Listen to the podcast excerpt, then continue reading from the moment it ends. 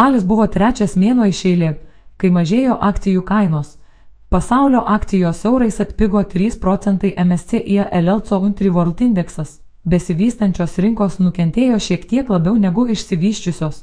Euro kursas JAV dolerio atžvilgių beveik nepasikeitė. JAV vyriausybės obligacijų pajamingumas gerokai pakilo 36 baziniais punktais 10 metų obligacijoms, tačiau Vokietijoje sumažėjo dėl didėjančio JAV ir Europos ekonominių sąlygų skirtumo. FED spalį nerengė posėdžio, o lapkričio pirmą dieną priėmė sprendimą nekeisti palūkanų normų. Kadangi infliacija gerokai viršyje tikslinį lygį, o ekonomikos augimas artėja prie dviejų metų aukštumų, tai galėjo būti tik pauzė prieš gruodį vyksiantį posėdį.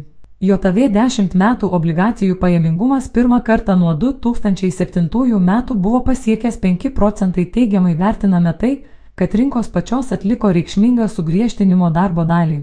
Todėl mažiau darbo lieka FED.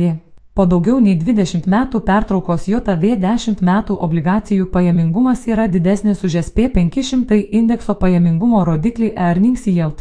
Todėl investicijos į obligacijas yra labai patrauklios. Palyginti su akcijomis, Europos perspektyvos daug niūresnės.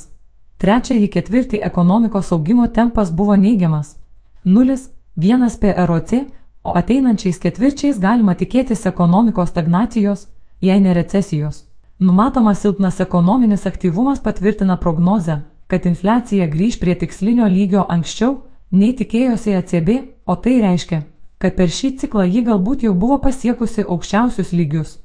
Besitęsiantis rezultatų skelbimo sezonas investuotojus Europoje nustebino neigiamai tiek dėl pardavimų, tiek dėl pelningumo. JAV bendrovių rezultatai, priešingai, nustebino teigiamai.